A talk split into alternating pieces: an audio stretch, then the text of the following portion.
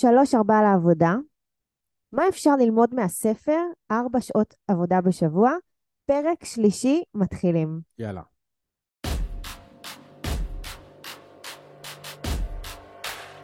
ברוכים הבאים למדברים השקעות עם עמית ואגר.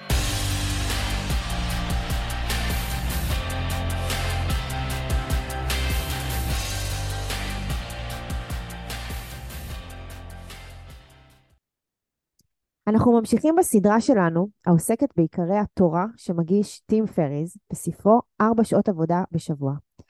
התורה הזו היא עוד כמה כלים טובים שאנחנו באופן אישי הוספנו לארגז הכלים שלנו, וכמו תמיד, אנחנו שמחים לשתף אתכם ולצייד גם אתכם בכלים האלה. הכלים שהתכלית שלהם היא מאוד מאוד ברורה. יצירת משכורת שלישית לבית שלנו, משכורת, הכנסה, משהו שמסייע לנו במסע לשפר את החיים שלנו, שתאפשר לנו לסמן מטרות ולהגשים אותן. תשתית ההגדרות, חלק שלישי. אז על מה הפרק הזה? אחרי שעברנו את שלב ההגדרות, ואתם בטח זוכרים את העשירים החדשים לעומת הדחיינים, וסקרנו את עשרת הכללים לשינוי הכללים, הפעם נעסוק ברכיב בלתי נפרד מכל תהליך השינוי. אתם מנחשים מהו? אנחנו לא נשאיר אתכם במתח.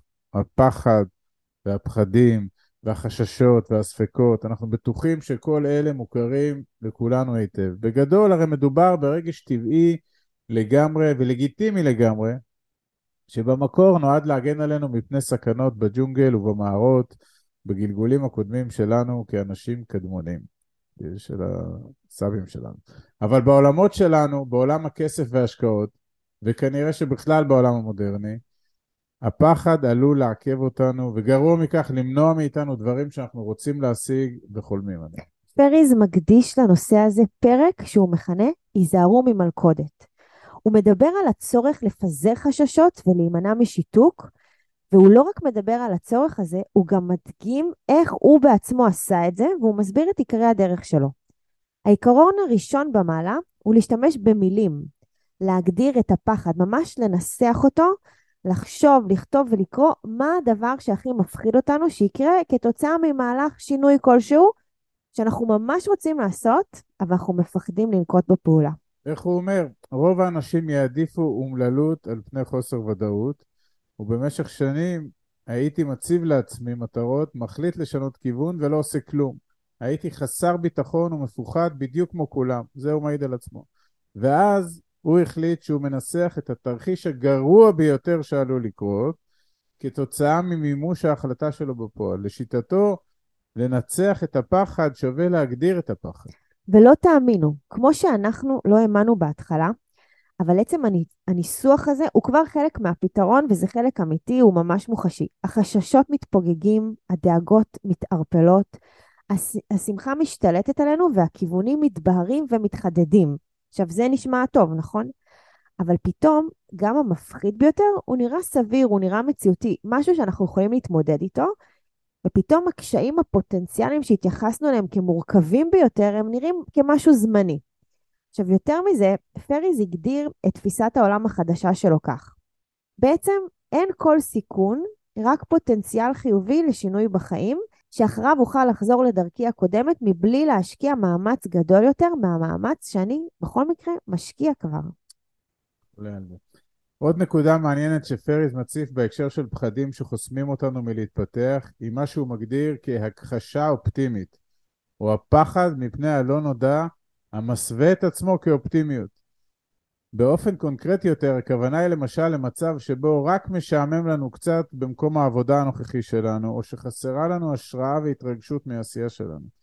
אתם יודעים, מותרות, אז זהו, שהמותרות האלה הם החיים עצמם, ולתפיסתנו, שכאמור גם מבוססת על התפיסה של פריז, פשוט חבל להעביר חלק גדול מהחיים בסוג של ציפה וציפייה. ציפה על פני המים הסבירים, בשילוב של ציפייה ושיפור בעתיד.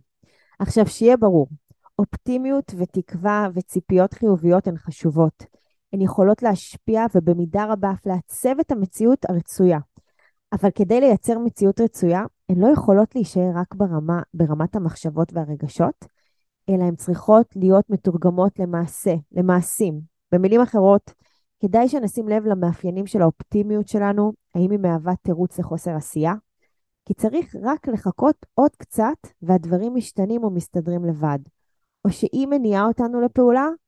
עכשיו בואו נהיה כולנו באופציה ב', ולא נחכה רק למצב שפל ואין ברירה כדי לפעול.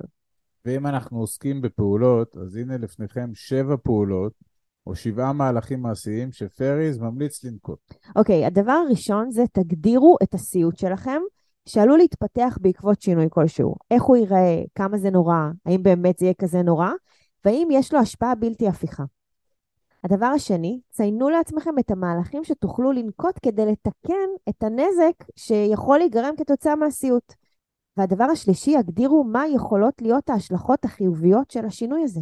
מה שנקרא, מה, מה נעשה אם זה יצליח? הדבר הרביעי, בתרחיש רע ומפחיד של פיטורים, מה תעשו כדי לשמור על שליטה כלכלית? הדבר החמישי, איזה דברים אתם נוטים לדחות מתוך פחד? הדברים שהכי חשוב שנעשה כדי להתקדם וכדי להתפתח, לא רק כדי לשרוד, הם גם הדברים שאנחנו נוטים לדחות הכי הרבה. והדבר השישי, מהו המחיר או המחירים של חוסר הפעולה, של החרטה במבט לאחור, החרטה הפוטנציאלית על מה שלא עשינו. הדבר השביעי, למה אתם מחכים? זאת אולי שאלת השאלות, ורוב הסיכויים שהמענה עליה קשור באיזשהו אופן לחסם הפחד. פריז אומר כאן מילים מדויקות מאוד ומניעות מאוד לפעולה, לפחות לדעתנו.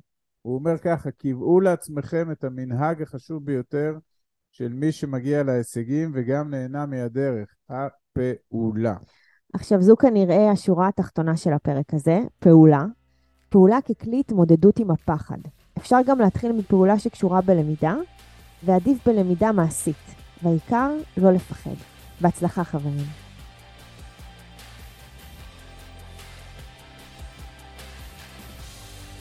עד כאן להפעם. כרגיל, שמחנו לשתף בידע ובניסיון שלנו, מקווים שנתרמתם. מי שממש רוצה להכיר ולהיחשף להזדמנויות ההשקעה בהן אנחנו משקיעים, מוזמן לאתר שלנו, תוכלו למצוא הכל שם. אנחנו כמובן גם פעילים בכל הרשתות החברתיות, מוזמנים לעקוב אחרינו. אם אתם מכירים אנשים נוספים שהתכנים שלנו יכולים לסייע להם, נודה לכם מאוד אם תשתפו אותם. להתראות חברים.